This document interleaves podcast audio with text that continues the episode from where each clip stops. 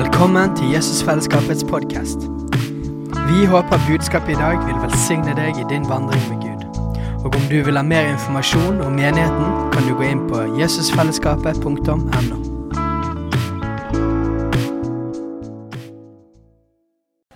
Så nydelig. Altså, Er dere klar for en vits til? Er dere åpne for det? Jeg har prøvd den litt ulike steder. Lærte den nettopp. Jeg sånn, jeg husker én vits om gangen, og så glemmer jeg det. Så dette, jeg har hatt en vits som ikke er helt kulturelt innafor, har jeg forstått. Eh, den lærte min mor meg for 15 år siden. Så den er ikke helt uh, woke alle steder. da. ikke at det betyr noe når jeg kommer til dette huset. Uh, men, uh, men uansett, jeg var på Hamar forleden, og så kom det en pastor bort til meg og sa han, du, skal jeg fortelle deg den beste vitsen jeg har hørt. Jeg lurer på om han ikke er helt innafor. Og da bare tenker jeg fyr på. Så dette... Historien er som følger at eh, Tradisjonen skal ha det til at Jesus henger på korset. Og, og det gjorde han, det står i Skriften. Men han henger på korset, og så roper han 'Peter, Peter'. Og Peter har jo nettopp altså, sviktet sin mester. Og Han er på avstand, men han har lyst til å se sin mester og lyst til å gjøre bot. Så han, han nærmer seg, og når, da, når da Jesus ser Peter, så roper han, og da tar Peter fart. Og så går han bort og prøver å komme frem til korset. Men der står den romerske soldatrekken foran, og de dytter han tilbake igjen. Og så roper Jesus en gang til. Peter, Peter. Og han tenker han har gitt alt for meg. Jeg må gi noe tilbake, ikke minst etter at jeg sviktet han. Så han tar fart og løper bort og prøver å bryte seg gjennom de romerske rekkene. Og da tar de fatt i han og banker han skikkelig opp. Og, og han går tilbake igjen. Og Siste gang så bruker Jesus noen av sine siste krefter og roper 'Peter, Peter'. Og han tenker det får heller bare bære eller briste. Han gir livet for meg, jeg kan gi noe tilbake igjen. Så han tar fart og prøver å hoppe igjennom. og Denne gangen så tar soldatene virkelig fatt i han og knuser begge beina hans. Kaster han ned foran korset. Så sier Jesus, 'Jeg kan se huset ditt herfra'. Eh, jeg vet ikke om han er innafor. Jeg lo godt, i hvert fall.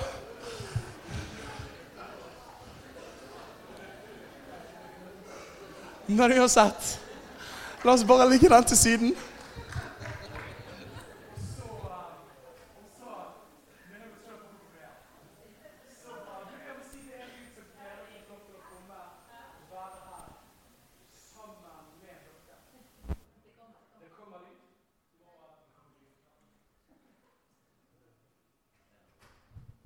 Der.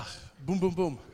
Tusen bra! Det skal jo alltid være litt teknologiutfordringer, men det er en glede å få lov til å være her. Men si det er litt urettferdig å slippe løs et sånt YWAM-team før.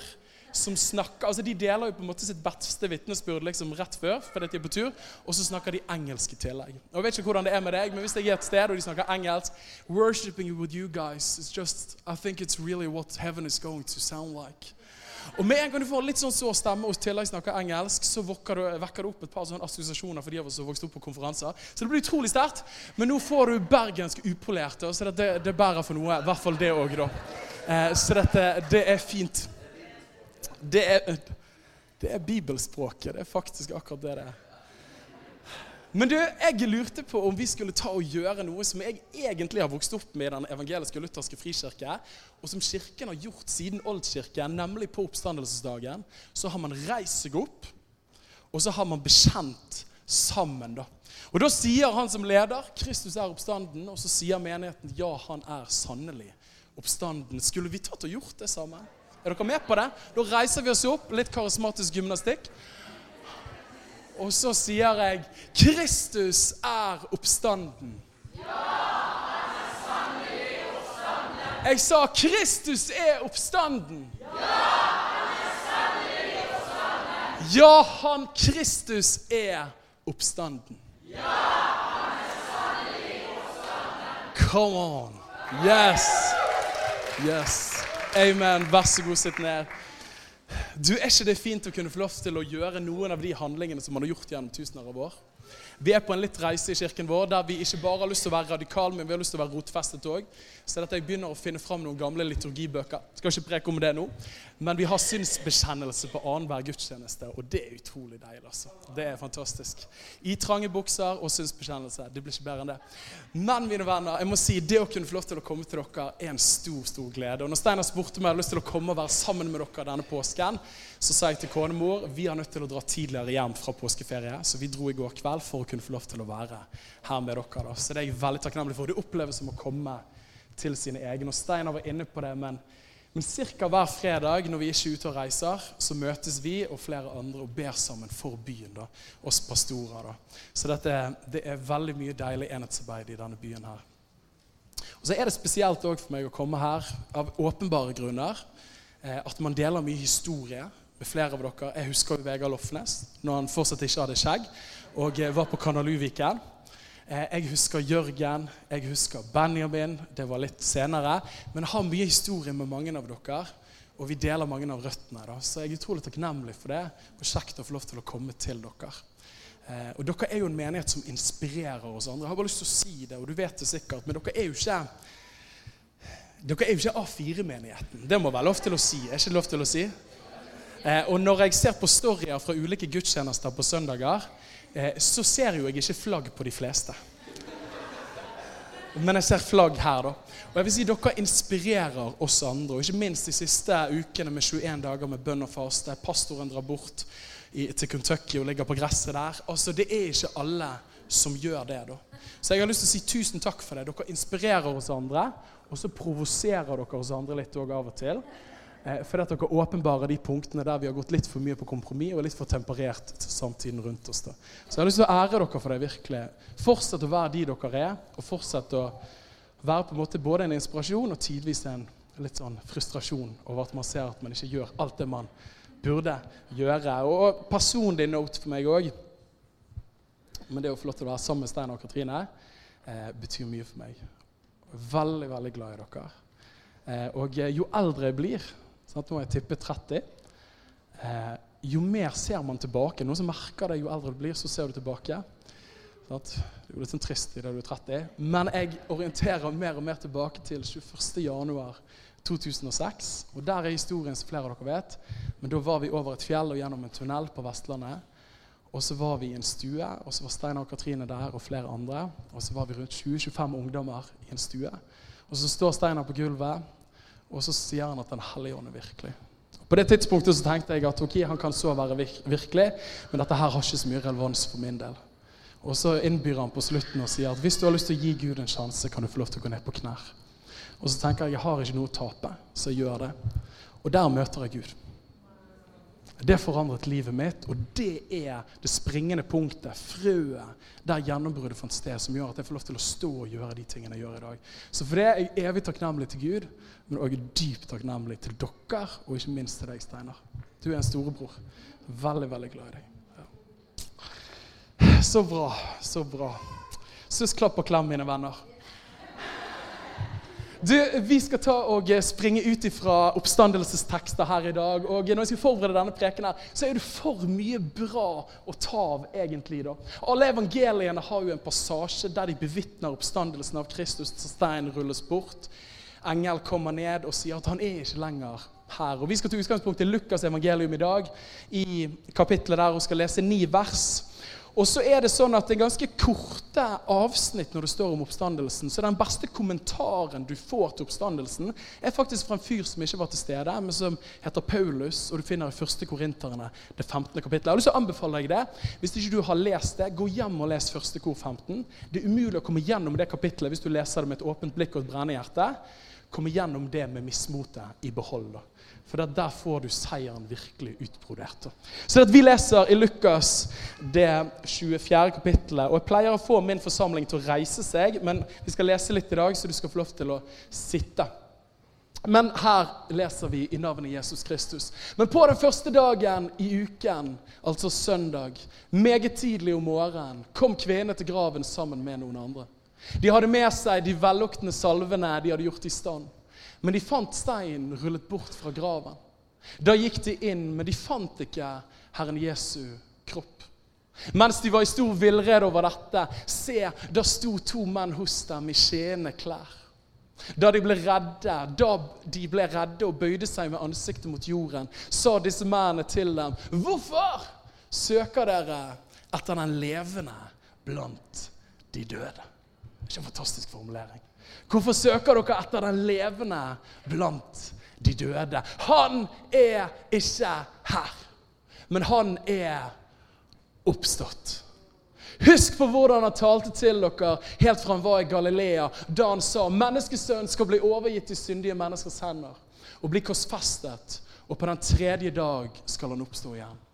Og de husket hans ord. Så vendte de tilbake fra graven og fortalte alt dette til de elleve og til alle de andre. Og Så tar vi og flipper over til 1. Korinterne 15 og leser et utdrag fra det kapittelet der.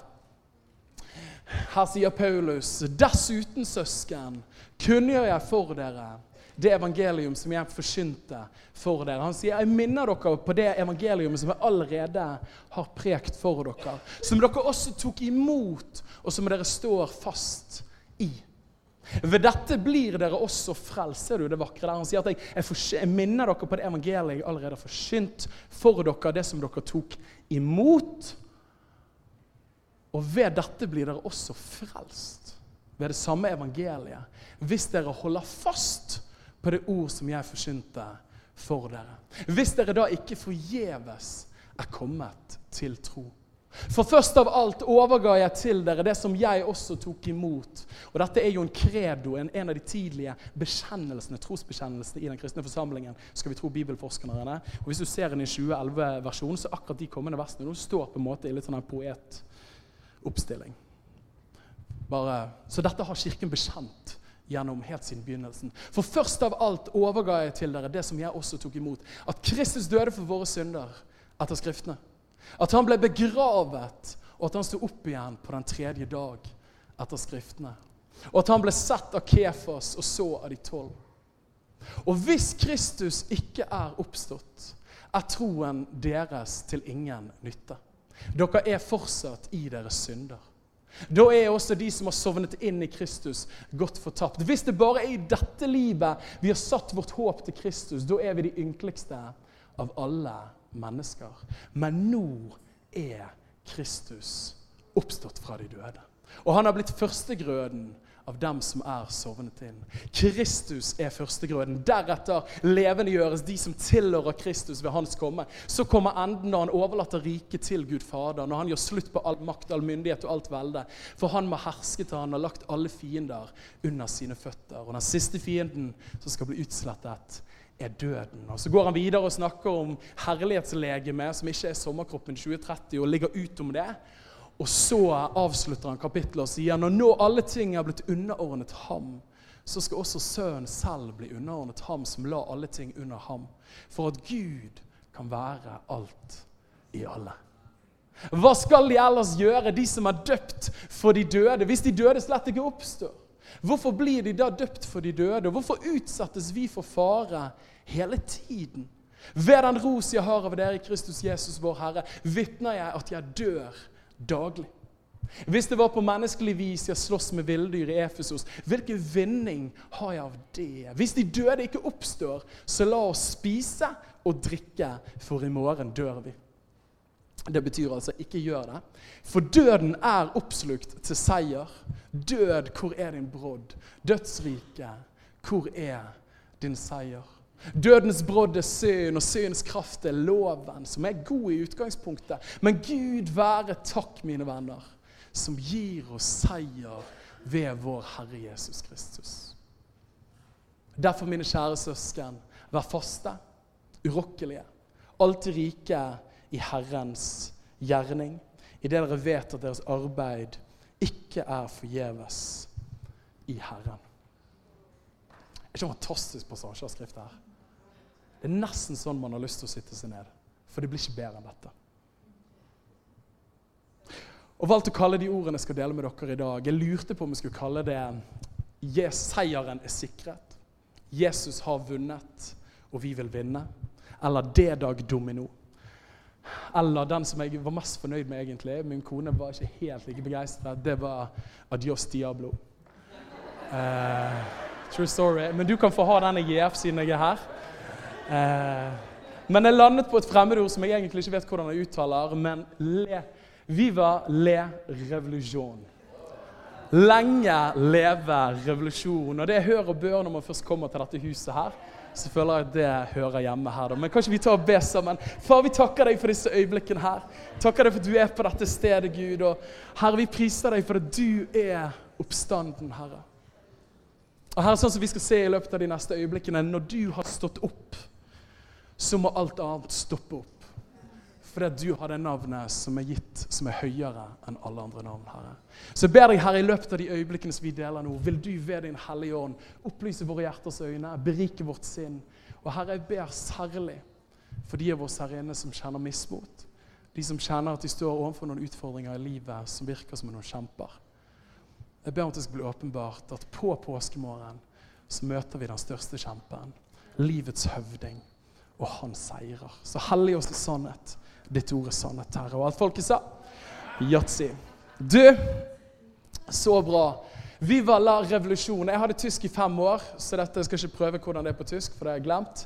Men dette her er jo en formulering som flere av oss kjenner til. Og det er jo først forbundet med den franske revolusjonen i 1789, som varte til 1799-ish. Og så var det mye elendighet siden da. og Det virker som det fortsetter i dag når vi ser på nyhetene.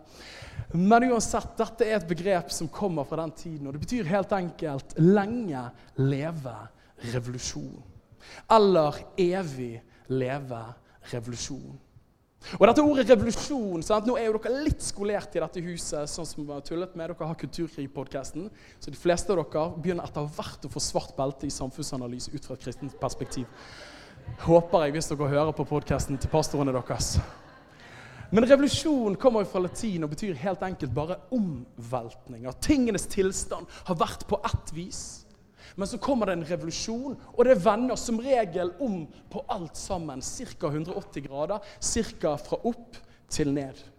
Store norske leksikon sier det som følgende. De sier at revolusjon er en endringsprosess som er grunnleggende. Altså, den er ikke bare på overflaten, det er ikke bare kosmetikk eller symptomendringer, men den er grunnleggende og foregår i løpet av meget kort tid. Uttrykket brukes særlig om politiske sosiale og økonomiske omveltninger.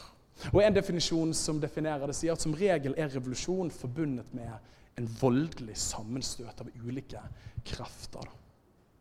Så revolusjon, dette er det det er for noe. og Begrepet brukes om mangt, har blitt brukt om ulike ting. Ikke minst så brukes det i mye populærtale i dag, og ikke minst kommersielt, med ulike ting man trykker opp på T-skjorter osv. Men de mest kjente er trolig den franske, den russiske og Mao sin kulturrevolusjon. Og disse revolusjonene her, som preget det forrige århundre, er jo tett forbundet med drømmen om utopia. Drømmen om utopia, og det er jo et veldig fint ord, det òg, men det betyr det perfekte samfunnet. Drømmen om at, at slik som ting er, skal de ikke alltid forbli.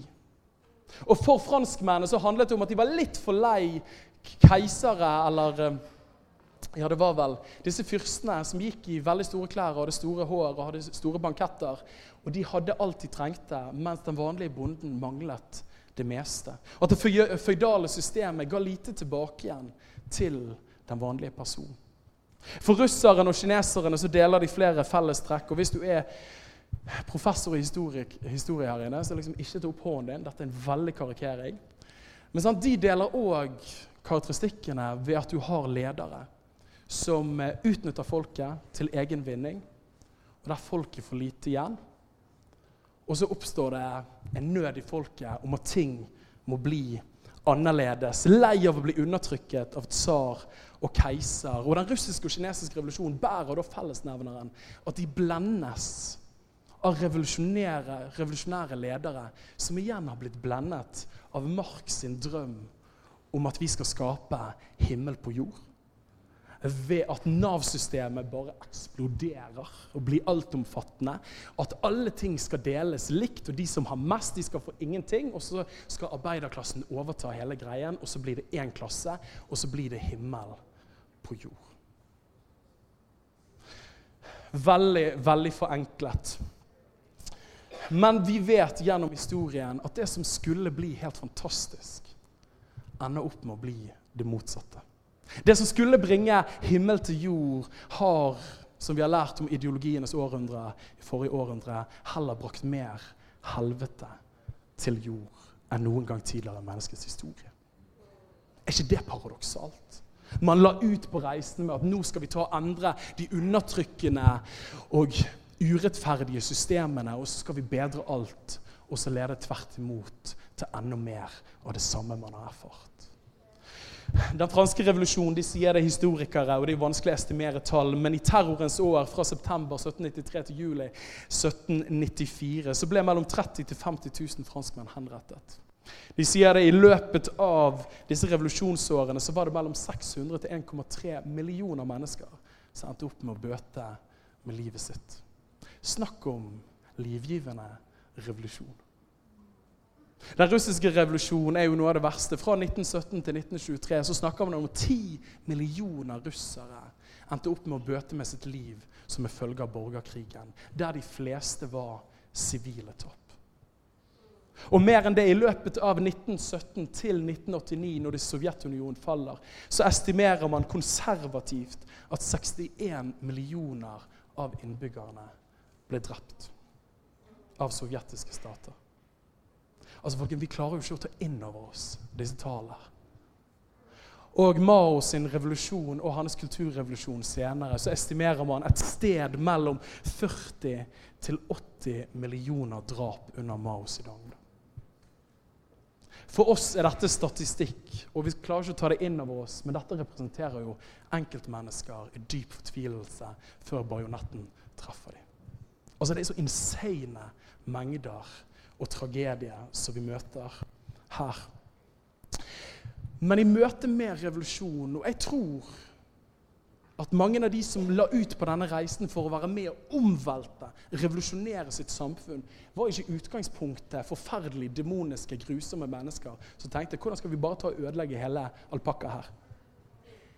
Tvert imot så tror jeg det var noe i de som sa at hvordan kan vi ta og bedre tingenes tilstand for folket vårt?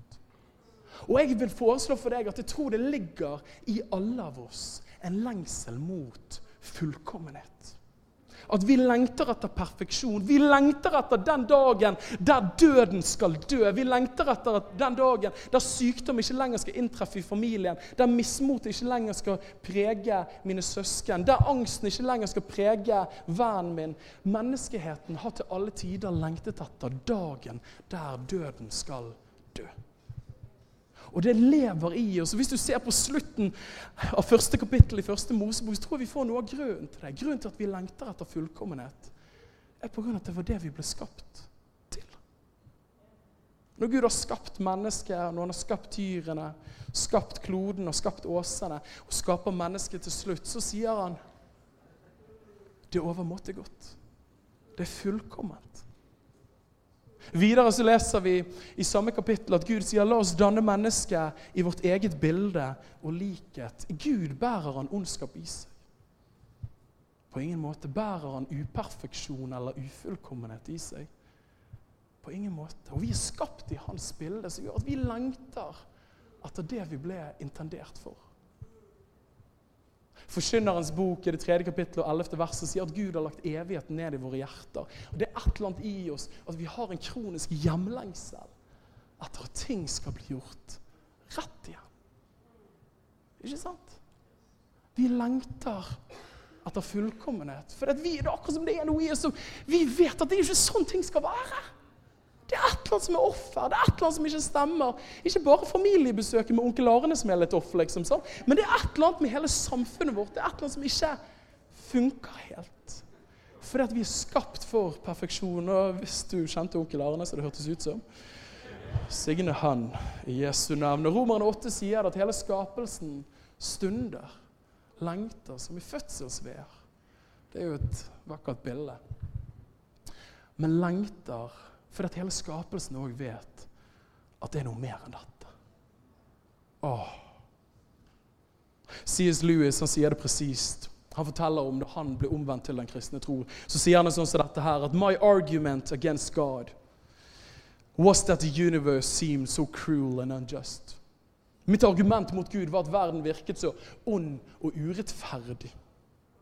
But how had I got this idea of just and unjust? A man does not call a line crooked unless he has some idea of a straight line. Åh. Hva er det han sier der? Jeg, min anklage mot Gud, hvorfor jeg ikke kunne tro, var pga. at verden var så urettferdig og ond. Men så sier han, men hvordan hadde jeg fått denne tanken om at det var noe som var urettferdig og ondt? Med mindre man faktisk hadde en preferanse utenfor seg sjøl som sa at jeg er skapt for noe annet enn dette. Det er et glitrende argument hvis du har lyst til å få et lite belteendring i din apologetikk. Når mennesker sier at det er så mye ondskap i verden, så kan du si men hvis ikke du tror på Gud, hvordan kan du si at noe er ondt da? For da har jo man ikke et referansepunkt. Da finnes det bare preferanser, det finnes ikke objektiv moral. Så det, hva er poenget her? Jo, vi alle lengter etter fullkommenhet. For vi gjenkjenner at det er noe som ikke stemmer. Men hvorfor har det vært sånn opp gjennom historien i møte med revolusjoner? da? At når vi kjenner vi er skapt i Guds bilde, vi lengter etter fullkommenhet.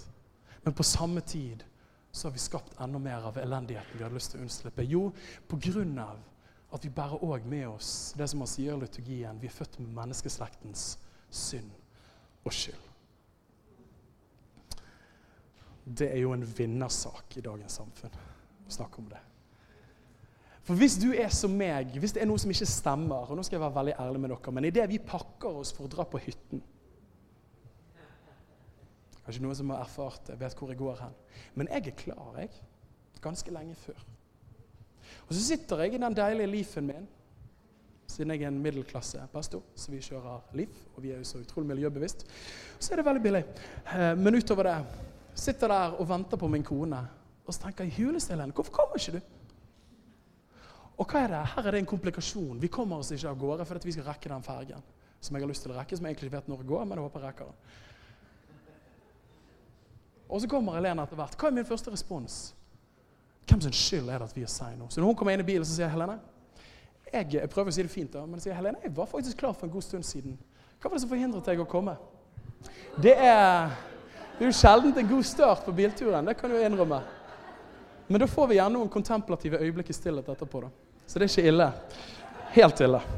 Men uansett, problemet er at hver gang vi møter en utfordring i livet vårt, så er umiddelbar respons i for de fleste mannfolk av oss, det er 'Hvem sin skyld er det?'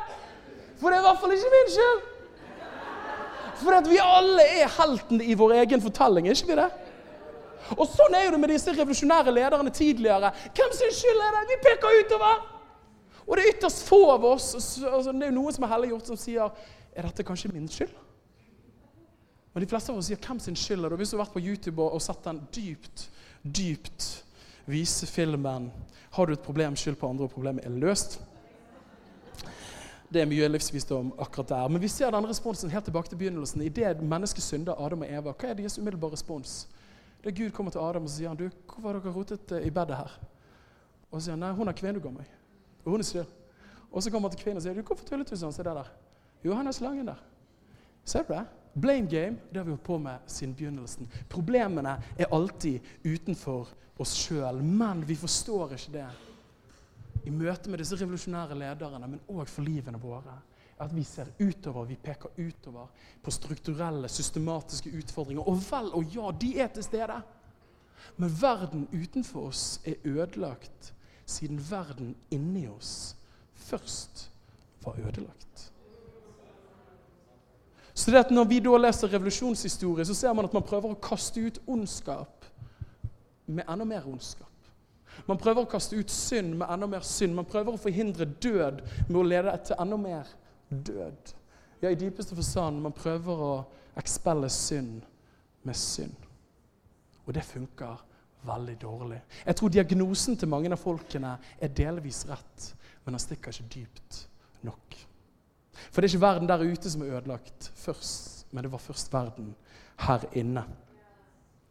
Og mine venner, Da er det deilig å kunne få lov til å komme til første påskedag. For dette er oppstandelsesdagen. Dette er dagen der den sanne revolusjonen begynner. Come on! Dette er revolusjonsdag nummer én. Er du klar over det? Dette er dagen der kjærlighetens revolusjon virkelig ble fullendt og begynte. Dette er oppstandelsens revolusjon, kjærlighetens revolusjon, Guds rikes revolusjon. Dette er dagen vi alle har lengtet etter. N.T. Wright kaller det en revolusjonerende ny måte å gjøre revolusjon på. Fantastisk bra sagt. For hva handler det om? Jo, det handler om at vi stiller ikke bare diagnosen der ute.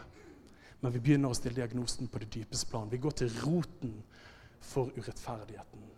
Nemlig våre egne hjerter. Så hva betyr oppstandelsens revolusjon for oss? Å, jeg kjenner jeg er giret, mine venner. Er dere klar? Det var en lang innledning, men når jeg kommer til JF, så har jeg god tid. Det vet jeg. Så det Katrine lente seg bort til meg og sa du har god tid, Daniel. Slapp av. Og Forrige gang jeg prekte her, så begynte jeg 12.45. Det er jo da gudstjenesten hjemme hos oss må være ferdig. Så dette det er jo fint, vet du. Så jeg sa til min kone 'Bli hjemme i dag, mitt barn'. Nei, det sa jeg ikke. Jeg sa ikke mitt barn heller. Det ble veldig feil. Veldig feil det der. Pleier ikke å kalle henne det. Ikke jeg. Kan vi klippe dette? Går det an? Går det an? Uansett. Uansett.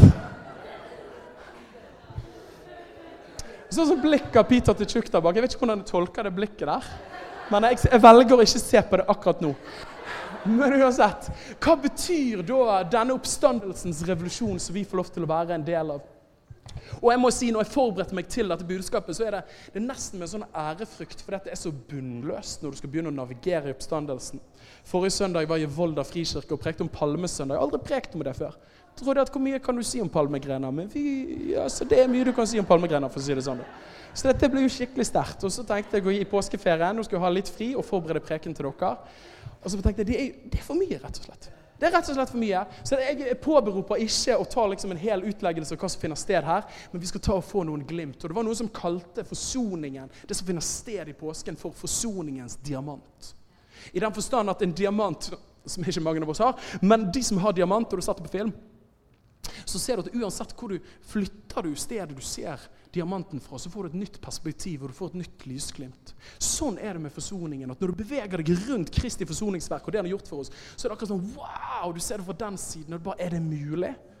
Og så kommer du sammen med noen katolikker, og du bare tenker 'herlighet, kan de lære meg noe her?' Og så ser du opp der, og så bare sånn 'Herlighet, det har jeg aldri tenkt på før'. Og så kommer du sammen med delkerne dine, sant? og så ser du bare sånn 'Oi, oi, oi, er det boken', liksom? Og så kommer du sammen med indremisjonsfolk, og de bare 'Herlighet, du har jo virkelig lest boken'. Du ser den ovenfra. Og så er du bare 'Er du med?' Altså, det er så mange perspektiver, og Paulus sier det i Feserbrevet. Bare sier det innledningsvis her. Jeg kan ikke si innledningsvis av 20 minutter. Men han sier i Efeserbrevet 2,6 så sier han at han oppreiste oss sammen med ham. Hør på det her, mine venner. For at han i de kommende tidsaldre kunne vise sin nådes overveldende rikdom i godhet mot oss i Kristus Jesus. Altså, dette er så svulstig språk som du kan få det. Vi tar det en gang til. Han sier for at han kunne vise sin nåde. og Nåde betyr ufortjent godhet overveldende ok, bra, rikdom, ja, i godhet, ja, mot oss i Kristus Jesus. Hva er det han sier? Vi kommer til å bruke en evighet på å forstå hva som fant sted på påskemorgen. Åh. Vi kommer til å bruke en evighet på å forstå det her. Så hvis du noen gang kommer på bibelskole, så kommer læreren og sier du, jeg skal fortelle alt som er å lære om forsoningen, så kan du si til han, har du levd evig? Nei, det har du ikke. Så med andre ord, du lyver. Sitt deg ned, så skal jeg fortelle deg om syndenes forlatelse. Poenget er at det er endeløst. Dere får det beste ut av meg. Dette står ikke i manus. Det kan jeg bare si med en gang. Men poenget er at det er endeløst. Men i Paulus' sin kommentar, den beste bibelkommentaren til oppstandelsesnarrativet, som vi finner i de fire evangeliene, så møter vi på, når jeg var i den teksten denne uken her, fire fiender som jeg syns står ut for meg. De to første er synd og fortapelse. De to første synd og fortapelse. Vi leste bl.a. i første kor 15 at Kristus døde for våre synder etter Skriftene. Og hvis Kristus ikke er oppstått av troen deres til ingen nytte, derfor er dere fortsatt i deres synder da. Da er også de som har sovnet inn i Kristus, gått fortapt. Ser du de to ordene der? Synd, fortapt. Og så stopper det heldigvis ikke der, men han sier men nå er Kristus oppstått fra de døde. Hva forteller påskens revolusjon oss, oppstandelsesdag? Jo, det første han sier til deg og meg, er at du er frifunnet. Du er frifunnet. Det er det første påsken forteller til de som har satt sin lit og sin tillit til Jesus. At synden, det å bomme på målet, som vi alle gjør, som hentet sin kraft ifra loven. Og når synden hadde fått lov til å bli fullmoden, så ledet det til vår fortapelse, en evighet separert fra Gud. Det har påskemorgen overvunnet for de som tar imot Kristus. Det betyr at du og meg, vi er frifunnet. Åh! Er ikke det fantastisk? Vi er frifunnet. Vi er funnet fri. Som gjør at det som tidligere kunne hektes på oss, og vi klandres ved, det er nå borte.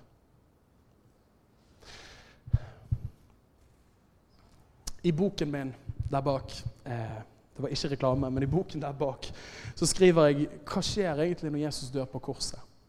Og nevnte denne forsoningens diamant. Opp gjennom kirkehistorien så har man forstått det Jesus gjør, på litt ulik måte. Og ikke minst særlig de tusen siste årene i Vestkirken, og særlig protestantisk tradisjon, så har vi fokusert på at det som skjer når Jesus dør på korset Gjerne kalt straffesubstitusjonslæren. Et fint ord. Tatovere det på hånden din. Si det på første date. 'Baby, hva er synet ditt på straffesubstitusjonslæren?' Eh, da kan det være til slutt akkurat der. Men det handler helt enkelt om det de på bedehuset snakket om. Jesus stedfortredende soningsdød. Du og meg, vi er frifunnet. Hvorfor er vi frifunnet? På grunn av som de gamle sa, Jesus er vår stedfortreder. Og når jeg skrev den boken, så kom redaktøren og sa du kan ikke bruke det ordet stedfortreder. Det er så gammelt. Men så sa jeg jo, det kan jeg bruke. For det er kanskje det er et av de deiligste teologiske norske ordene som finnes. For hva er en stedfortreder? Det er jo helt enkelt at jeg sto i dette stedet her. Og Så kom det en bort til meg og sa du, du står i dette stedet her, du bærer 120 kg i knebøyen, og du kommer ikke til å bære det så veldig mye lenger. Kan jeg få lov til å ta det for deg? Og Så bytter jeg, så går jeg til siden, og så er det en som står i mitt sted. Han er min stedfortreder. Og dette vakre ordet her er jo det første påskedag lærer oss. At Jesus er vår stedfortreder. Og synd, mine venner, er jo ikke akkurat vinnersaken du har lyst til å begynne med når du skal på kollegafest eller du skal i klassefest og sier 'Venner, jeg tror vi trenger å snakke om noe som er ganske dyptgripende og viktig'. Vi trenger å gå til roten på årsaken til mobbing i skolen vår. Vi trenger å gå til roten med urettferdigheten i kollegamiljøet vårt. Nei, vi snakker ikke om ulik lønn. Vi snakker om noe dypere som angår oss alle, nemlig synd. Det er jo ikke sånn at du får lønnsøkning, eller at du nødvendigvis blir invitert med på neste sånn lønnsfeiring. For det er ikke en vinnersnakk å snakke om synd. Og i dag så er det sånn, snakker du om synd, så er det ikke sosiale poeng. Men jeg har lyst til å foreslå Jeg tror de fleste av oss, selv om vi ikke gjerne vil bekjenne oss til begrepet synd og konseptet ut fra teologisk forståelse, så vil alle kjenne seg igjen i det. Sånn som jeg sa, Disse revolusjonære lederne, som folkene som gjorde opprør i sin tid, de kjente at noe er off. Det er noe som ikke stemmer. Og Hvis vi er ærlige med oss sjøl og den bergiske, patriotiske åren er litt redusert, så vet man det at det er faktisk ikke bare der ute, men det er òg her inne. Og når jeg studerte litt teologi en gang i tiden, i sjelesorgsfaget tenkte jeg, jeg har studert sjelesorg. Du får si ja, det kan jeg ikke skjønne. Men uansett, da husker jeg vi lærte at i psykologien snakker man i dag gjerne om skyldfølelse. Og man snakker om skamfølelse. Som er viktige ting å snakke om, men da som en forståelse av at det du kjenner på, er en følelse av skyld, og det er en følelse av skam. Men han er ikke nødvendigvis legitim. Og Det er et poeng i det, men det er òg en dreining bort fra sånn som C.S. Lewis sier, at man tror ikke på en ytre korrekt av at noe er rett og noe er galt, noe er sant og noe er godt, som gjør at, at du kjenner på skyld, men det er pga. normen i samfunnet rundt deg forfekter det. Men du er ikke skyldig i noe. Eller du kjenner på skam og føler at det er noe som er gale med deg. Men det er bare pga. at du har blitt fortalt at det er et ideal som du ikke passer helt inn i. Derfor kjenner du på skam. Det er nødvendigvis veien dagens samfunn må gå når vi ikke har en frelser. For hvis ikke du har en frelser, så er det en altfor tung byrde å bære å si at det er noe grunnleggende ødelagt med meg. For da må jeg leve hver eneste dag med min tilkortkommenhet, og jeg vet at jeg er messed up og screwed up, og det finnes ikke håp for meg i det hele tatt. Så der Bibelen snakker om frelse, der snakker vår kultur om selvforbedring. Og så projiserer man problemene utenfor seg sjøl. For da er det ikke noe feil med meg, men det er noe feil med systemet, det er noe feil med deg. Oi, oi, oi, mine venner. En av de mest deilige tingene med den kristne troen er at han stiller diagnosen så ramsalt. Og det er jo det folk sier. ja, men Klarer ikke å tro liksom, dere kristne har så utrolig dårlig menneskesyn? Nei! Vi har ikke det. Vi har ikke dårlig menneskesyn. Tvert imot. Vi har et veldig presist menneskesyn. Bare gå og ta litt historieleksjon på YouTube, så finner du ut at det er ganske korrekt.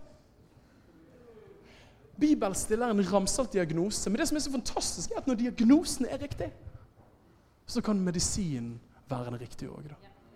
Men hvis du ikke tror du er syk, så tar ikke du imot medisin. Loven stiller diagnosen. Evangeliet er medisin. Dette forteller påskemorgen oss, og roper det ut i klartekst og sier 'Du er ødelagt!' Revolusjonen begynner ikke på utsiden, du må begynne i deg. Ja, men det er altfor vondt å ta inn over seg. Østlendingene som er problemet. Så hadde jeg også Det mener jo vi litt, men utover det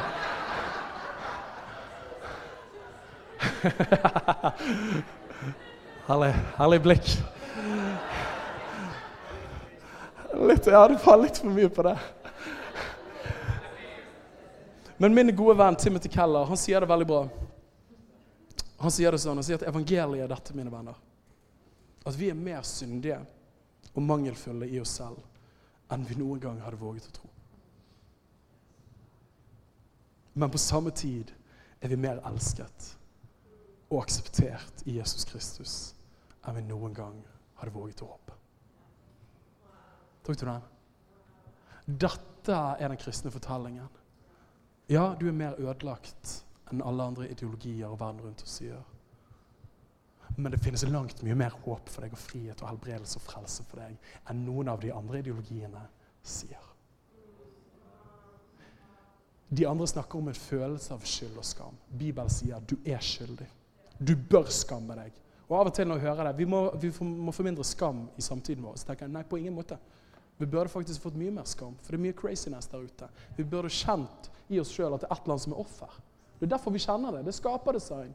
Vi er skapt i hans bilde. Det ligger i oss. Gudsbildet i oss er krenket over mye av det vi gjør. Du bør kjenne på skam, for det er unaturlig for deg å leve på den måten der. Det er jo det som er faktum. Så ja til en skamkultur og en skyldkultur. Ikke kåt meg på det isolert sett. Men vi trenger det i en evangelisk forstand. For det er ikke bare en skyldfølelse, det er ikke bare en skamfølelse. Nei, du er skyldig. Du bør kjenne på skam. Du er lost. Det er kjørt. Men heldigvis er første påskedag her. Og der var det en som sto opp, og han tok din synd, sånn at du ikke skulle gå fortapt, for at han er din stedfortreder. Du er frifunnet. Det deilige som vi møter videre i teksten vår, er i 1. Korinterne 15, så møter vi to andre fiender der skyld, der synd og, for, og, fortapelse er på en måte passive størrelser som vi har valgt, og som er et produkt av våre valg. Så møter vi òg noen offensive krefter, nemlig død og djevel. Så kommer enden, sier Paulus, når han overlater riket til Gud Fader. Når han gjør slutt på all makt, all myndighet og alt velde. For han må herske til han har lagt alle fiendene under sine føtter. Oi, oi, oi. Den siste fienden som skal bli utslettet, er døden. Er noen klar for det, eller? Siste fienden skal bli utslettet, er døden. Døden er oppslukt til seier. Tenk når vi kommer til den dagen der vi ikke bare ser det stykkevis og delt, men døden er oppslukt til seier. Død, hvor er din brodd? Dødsriket, på samme måte som du har et gudsrike som er offensivt, progressivt, går framover og bringer himmel til jord, så finnes det òg et rike av død som er offensivt, og som prøver å bringe død og ødeleggelse i sin vei. Dødsriket, hvor er din seier? Hebreabrevet tar det enda mer i klartekst i møte med djevel, der han sier hebreerne det andre kapittelet. Hør på det her. Siden barna har del i kjøtt og blod, som er deg og meg, fikk han selv del i det på samme måten. Kristus, altså for at han ved døden skulle ta makten fra ham som hadde dødens makt. Det er djevel. Wow. For at han skulle ta makten fra han som hadde dødens makt. Det er djevel. Og for å befri dem som har frykt for døden, hadde vært i trelldom hele sitt liv. Det første påskedag forteller oss, er at du er frifunnet. Det andre påskedag forteller oss, er at du er frigjort. Fra disse kaoskreftene som fra tidenes morgen er det virus og pandemien og synd stapper inn i verden, som er den virkelige pandemien. Og disse kaoskreftene av død og av djevel som har prøvd å kue menneskelivet. påskemorgen så er det en som vinner over det. En endelig seier. Der vi de siste tusen årene har snakket mye om Jesus som vår stedfortreder, leser du litt fra Oldkirken, og dette har vært veldig interessant. Men når de snakket om forsoningen, hva som fant sted der, så snakket de enda mer om det som man på latin kaller Kristus Victor. Jesus, vår seierherre. De levde mer i en verden der de så åndskreftene tettere på, der de så manifestasjonene av de ulike maktene og myndighetene og veldet som vi leste om i vår tekst. Derfor ble det viktig, og det var sånn man forsto da, at Kristus, når han sto opp fra de døde, så var det som en endelig triumf over disse kaoskreftene, over disse maktene. Derfor er vi frigjort, siden Jesus er vår seierherre. Åh! Jesus er vår seier. Er ikke det fantastisk? Det betyr på et individuelt plan at når vi møter disse kaoskreftene som mange av oss har møtt og møter på ulike områder av vårt liv, når vi kjenner, om det så er i form av sykdom, om det er i form av komplikasjoner, om det er i form av relasjoner som er krevende, så vet vi det. At uansett hva denne diagnosen bærer som navn, uansett hva min traume heter fra barndommen, på et individuelt plan, uansett hvilke byrder jeg måtte bære med meg, så forteller påskemorgen revolusjonen at det finnes en som er seierherre over det. Det er nydelig? Dette er det som finner sted. Sannheten seirer en gang for alle. Og For en tid tilbake så ble jeg kjent med en herremann som er litt eldre enn meg. Fascinerende historie. Han vokste opp i et ikke-kristent hjem og eh, hadde ikke noe særlig preferanse når det kom til tro var etter hvert blitt avhengig av rusmidler og var på et bunnpunkt. Og Hvis jeg husker historien rett, så spør han neste gang vi møter han, så var han på punktet at han ikke hadde lyst til å leve lenger. Og hør på det her, venner. Dette er crazy. Og så skrur han på TV-en, da. Og så klarer han å komme over en kristen TV-kanal. Og det leder til oppbyggelse. For enkelte av oss andre når vi kommer over det, så kan det av og til lede ikke alltid til oppbyggelse. Men Det var unødvendig. Men han så han så, den, så der, og så var det en predikant som kom fram der. Han gikk ikke i sånn T-skjorte som ungdommen liker i dag, sånn oversized. Men han gikk i hvit dress, eller i dress, og så smilte han. Sånn som bare amerikanske predikanter kan smile. 10 000 dollar look og smilet. Han er Joel Osteen. Og han preker da. Og det leder til håp i han mannen som sitter der og er bundet av avhengighet. Og på det punktet der så velger han å ta imot Jesus. Og han forteller at i det øyeblikket der så forsvant alt suget etter rus i det øyeblikket der. Er ikke fantastisk? Hva er det som inntreffer her? Jo, det som inntreffer, er at ditt sørgelige liv får et møte med seierherren. Og når han kommer inn, uansett hvilke diabler og demoner og makter og myndigheter som måtte være i deg og rundt deg, idet de kommer i nærkontakt med han, så har de møtt sin overmann og deres tid og deres dager jeg talte. Det er fantastisk. Så på så utenkelig måte av å se Joel Osteen altså den mest polerte forkynneren som finnes. Og så, så Ikke si noe stygt om han noen gang til hvis du er fristet til det. Så kommer han i møte med seierherren og blir satt fri. Det er vakkert. Påskerevolusjon, oppstandelsesrevolusjon, det vekker håpet individuelt og sier at du er frigjort. Ingen kaoskrefter, ingen makter, verken død eller liv, engler eller myndigheter har makter, verken det som er nå eller det skal komme, eller noen annen skapning, skal være i stand til å skille oss fra Guds kjærlighet som blir åpenbart i Kristus Jesus, vår Herre. Come on. Men òg på et kollektivt plan. Jeg kjenner Å, jeg er giret! Du, på et kollektivt plan og et samfunnsmessig plan. Når Jesus er opp fra de døde, mine venner. Når vi har dealet med de individuelle tingene og roten til synd, så kan vi begynne å snakke om omveltning samfunnsmessig. For det som skjer når Jesus står opp, er store bibelfortellingen, skapelse, fall. Han står opp og vinner over kaoskreftene. Nyskapelsen begynner. Nyskapelsen begynner. Gud begynner å gjøre verden ny igjen. Det er det vi tror på. Ikke bare basar og lukkede dører og håper at Jesus snart kommer igjen. Vi har blitt kallet til å ta del i nyskapelsen i verden. Visste du at Salme 110 er det mest siterte salmen og verset i Det nye testamentet? Og Der leser vi, som Paulus siterte i 1. kor 15, der står det Herren sa til min Herre, sett deg ved min høyre hånd til jeg legger alle dine fiender så skammen for dine føtter. Det er det mest siterte verset i Det nye testamentet fra Gammeltestamentet. Er ikke det fascinerende? Dette taler om Guds rikes framgang. Det som skjer påskemorgen, mine venner, er at D-dagen begynner.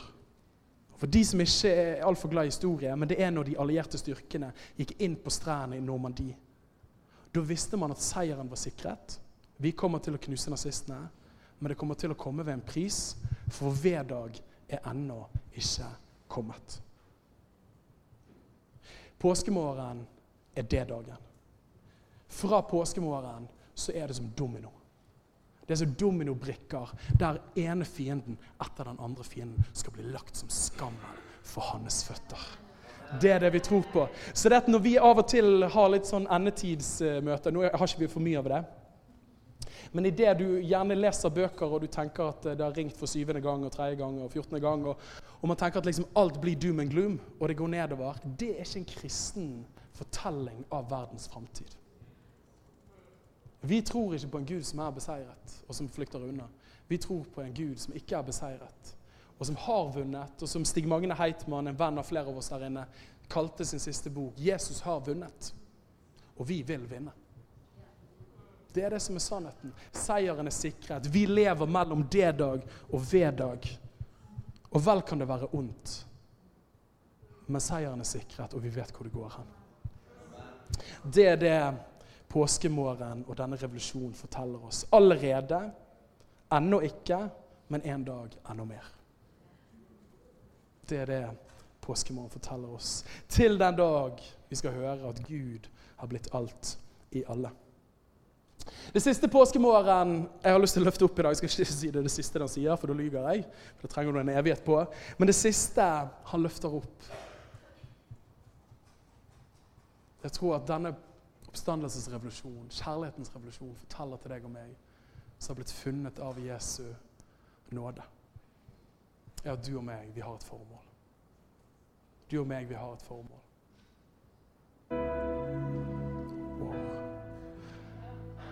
Og Jeg vet ikke om du har tenkt på det, men I alle narrativene vi møter i evangelietekstene, og det står om oppstandelsen, vet du hva som inntreffer? Steinar berørte det.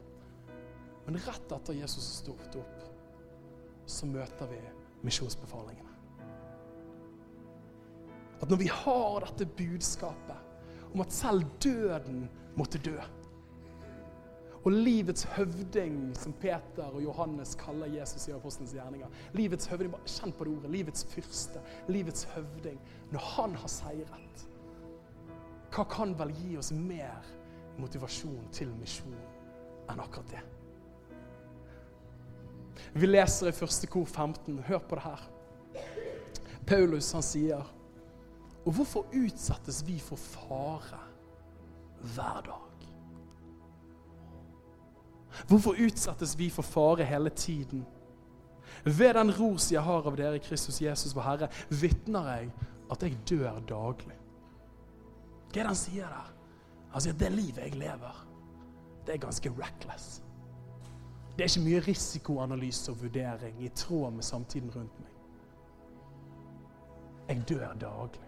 Jeg tar ikke de sosialt vene grepene. Jeg dør daglig. Ja, hvis det var på menneskelig vis jeg slåss mot villdyr i Efesus, snakker han her om en skjult drøm fra barneårene om å jobbe i zoologisk hage? På ingen måte. Villdyr er jo hans frekke beskrivelse av motstanderne. Han sier 'jeg slåss mot dem i Efesos. Hvilken vinning har jeg av det? Ergo Hvorfor lever jeg på en så på en måte heftig måte, uforsiktig måte, hvis ikke Kristus har stått opp? Men det forandret alt.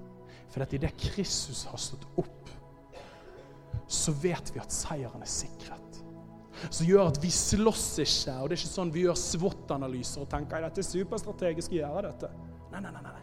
Vi har allerede fått den beste analysen ved at han sto opp igjen. Han vant over døden. Han er seierherren. Det dagen har begynt.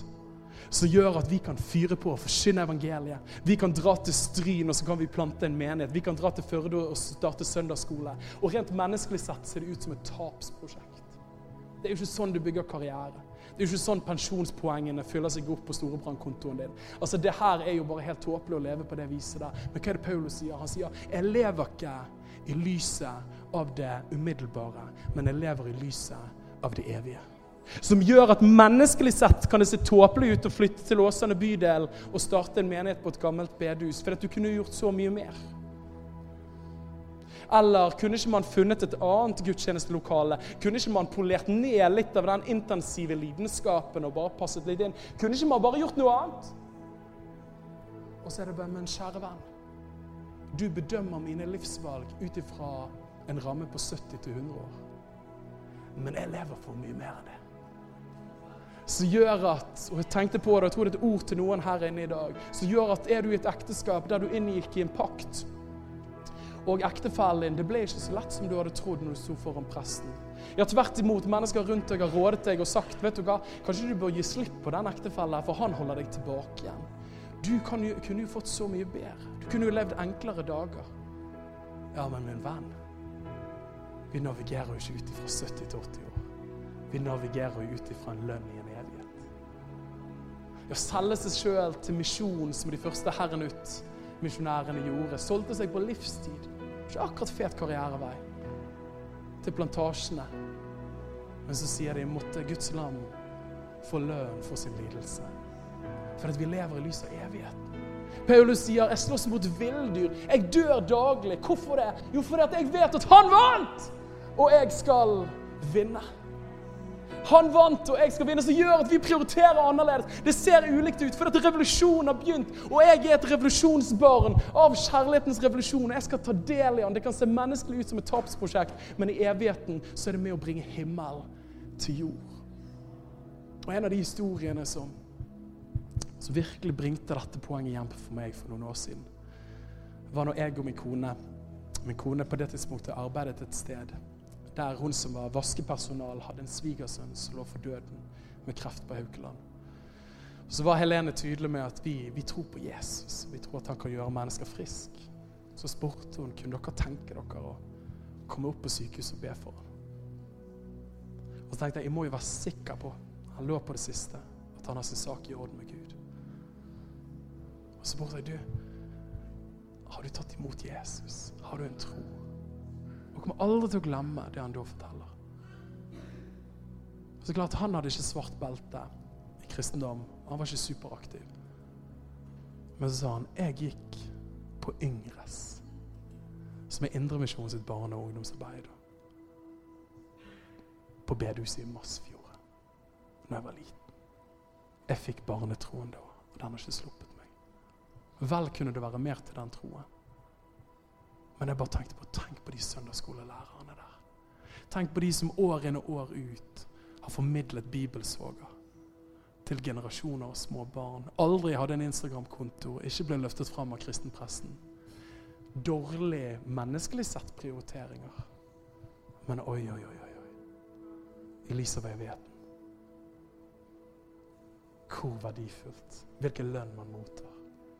Regnestykket ser annerledes ut når du tenker evighet du ikke tenker 70-80 år. Jeg takker Gud for de trofaste og skjulte arbeiderne som var med å utbre kjærlighetens revolusjon i det skjulte. En god gjerning om gangen. Jesus sier, sto fram og talte til dem og sa, 'Meg er gitt all makt i himmel og på jord.' Gå derfor ut og gjør alle folkeslag til disipler. Jeg har fått all makt. Gå derfor ut. Du har et formål. Vi nærmer oss enden her. C.S. Lewis han sier det på skremmende vis. Kan jeg få lese et sitat for dere? Han sier det sånn som dette. Hvis du leser historie, vil du se at de kristne som gjorde mest for den nåværende verden, var nettopp de som tenkte mest på den neste. Apostlene selv, som satte Romerrikets omvendelse i sving. De store mennesker som bygde opp middelalderen. De engelske evangelikale som avskaffet slavehandel. Alle satte sitt merke på jorden nettopp fordi deres sinn var rettet mot himmel. Har videre Det er siden kristne i dag i stor grad har sluttet å tenke på den kommende verden, at de har blitt så ineffektive i denne. Sikt på himmel, og du vil treffe jorden også. Sikt på jorden, og du vil ikke treffe noen av dem. Vi er da kalt til å være vitner om denne kjærlighetens revolusjon og velgjørere. Vi er kalt til å fortelle at kongen har kommet, og hans rike har vunnet og vil vinne. Og vi er kalt til å være velgjørere, som disse ukjente søndagsskolelærerne, som gjør gode gjerninger. I det skjulte og, og i det synlige. Som er med å bringe noe av den atmosfæren der oppe ned på jorden her nede. Jeg har lyst til å si det til deg hvis du er her i dag og tenker at jeg er ikke kanskje like karismatisk som du som preker, eller du som leder denne menigheten her. Skal litt til å slå steiner. Men Bill Bright og Lauren Cunningham i 1975 så satte de seg ned og så tenkte de, hvordan kan vi forandre verden for Jesus. Og Så har det blitt grunnlaget for det som blir kalt De syv fjell. Seven Mountain Mandate på amerikansk. It's powerful. Og Da snakker de om religion, familie, utdannelse, politikk, media, kunst, business. Og det er helt sikkert flere kategorier. Deres tanke var at de trenger ikke bare fylle kirkene våre. Men når vi har kommet der og får hørt at vi er frifunnet og vi er frigjort, så trenger vi å forstå at vi har et formål. Vi må bli sendt ut igjen. Som gjør at det som skjer på søndag, det påvirker vår mandag, tirsdag, onsdag, torsdag, fredag, lørdag. Som gjør at vi tar med den atmosfæren av lovsang, den smaken av himmel, de profetiske ordene, nådegavene. Hvor er det nådegavene egentlig funker best? Det er jo der ute. Sånn, Dette er jo sandkassen, dette er jo lekerommet, dette er jo Leos lekeland, det er vi med på her. sant? Men vi trenger å komme oss ut og leke der ute. Vi trenger å skape latteren der ute. Vi trenger å tørke tårene der ute. Vi trenger å støtte alenemødrene der ute. Vi trenger å løfte opp de som er kuet ned, de som har fått dødsdommen over seg, sosialt utestengt. Vi trenger å møte de der ute og gi dem en smak av det frelsesriket som har kommet, og som vil komme. Det er det vi er kalt til, mine venner. Ikke fantastisk? Påskemorgen slukker sorgen. Han slukker sorgen til evig tid. Så hva betyr oppstandelsens revolusjon for oss? Jo, mine venner, det betyr for det første at du er frifunnet. Du er frigjort fra alle kaoskrefter. Og du har fått et formål. Du har en mening med ditt liv. Verden venter på at herligheten til Guds barn skal bli åpenbart, sier Roman 8. De stunder, de lengter, som i fødselsved. Verden ville ha en smak av himmel, for vi kjenner at det er noe som er off. Men når vi prøver å fikse det sjøl, så prøver vi å lege synd med synd. Påskemorgen er det eneste som sier at vi kjenner din synd, men helsen kom utenfra, så det virkelig kan lege oss, og den sanne revolusjonen kan begynne. Paulus avslutter kapittelet, og jeg har lyst til å avslutte med hans formane ord til oss. Hvis du får den siste tekstpassasjen opp, la oss se.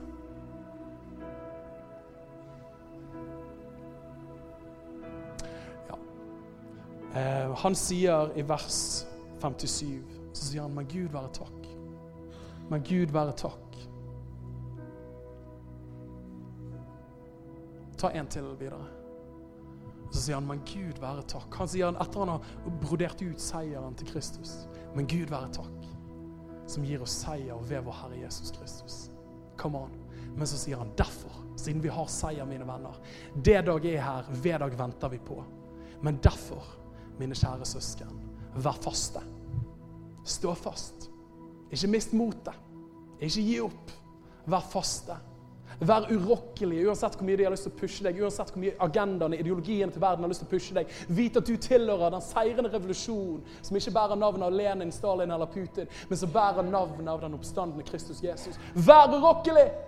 Alltid rik i Herrens gjerning, som disse skjulte søndagsskolelærerne. De som ikke vet dine gode gjerninger, men for hver god gjerning du gjør, bringer du en smak av det kommende riket nærmere til jorden. I det dere vet at deres arbeid ikke er forgjeves i Herren. Han er oppstanden.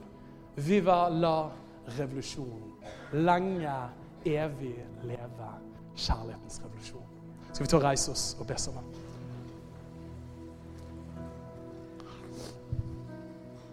Wow, Jesus. Jeg vil at vi skal gjøre to ting. Det første jeg har lyst til å gjøre, er å gi en invitasjon til deg som er her i dag. Og hvis du kjenner på det, Daniel, jeg kjenner erfaringen av skam og av skyld. Jeg har lyst til å be for deg, at du skal få lov til å erfare at stedfortrederen har tatt ditt sted. Og hvis det er deg Siden det, det, er litt nært på, men kan jeg være så frimodig Jeg vet dere ikke gjør det så mye, men kan jeg være så frimodig og be dere om å lukke øynene et par øyeblikk? Og Hvis du er her og du kjenner Daniel, jeg trenger å kjenne at Jesus er min stedfortreder. Vil du bare ta opp din hånd akkurat nå, som å gjøre en ytre bekjennelse på at du kjenner noe skjer på innsiden? Ja. Du trenger å ligge av noen byrder. Du trenger å kjenne at stedfortrederen tar din plass. Takker deg, Herre. Masse hender, ja. Og hvis du er her i dag og du kjenner Daniel, jeg trenger å kjenne at jeg er frigjort. Jeg trenger å kjenne at det ikke bare er teori at han er Kristus Viktor, men at faktisk disse onde kreftene, den depresjonen, disse tingene Jeg trenger å kjenne at han er navnet over det. Hvis det er det jeg tar opp en hånd akkurat nå. Hvis det er en sykdom, hvis det er en utfordring, hvis det er en traume. Masse hender over. Å, mine venner, vi lever på D-dagen. Men jeg må snakke sant og si vi, vi lever òg med smerten mellom D-dag og V-dag. Men vi prøver å skynde V-dag nærmere. Så vi slår oss ikke til ro med smerten, for vi vet han har vunnet. Så jeg har lyst til å be for dere. La oss som de hellige be til Gud sammen. Herre, jeg takker deg, Jesus, for at du er den oppstandende. Og vi leter ikke etter den døde, levende blant de døde, for du har stått opp her. Og akkurat nå så ber jeg for de som kjenner på skyld, de som kjenner på synd, og Herre, de som kjenner at død og djevel og makt og myndighet på et eller annet vis preger. Herre, takk for at du er vår stedfortreder, og du er vår seier, Herre. Og jeg ønsker bare i navnet over alle navn og taler det ut over din situasjon. Taler det ut over din tilstand. Og si at hold ut, vær fast, vær urokkelig. Hei, alle sammen. Det er Katrine og Steinar Lofnes her. Vi er hovedledere for Jesusfellesskapet. Så kjekt du har lyttet til denne podkasten. Har du forresten hørt noen av de andre podkastene våre? Ukens tale, Disippelskolen, Hyrdepodden, Kulturkrigen og Mammas hjerte. Du finner disse podkastene på Spotify, Apple Podkaster og på nettsiden vår jesusfellesskapet.no.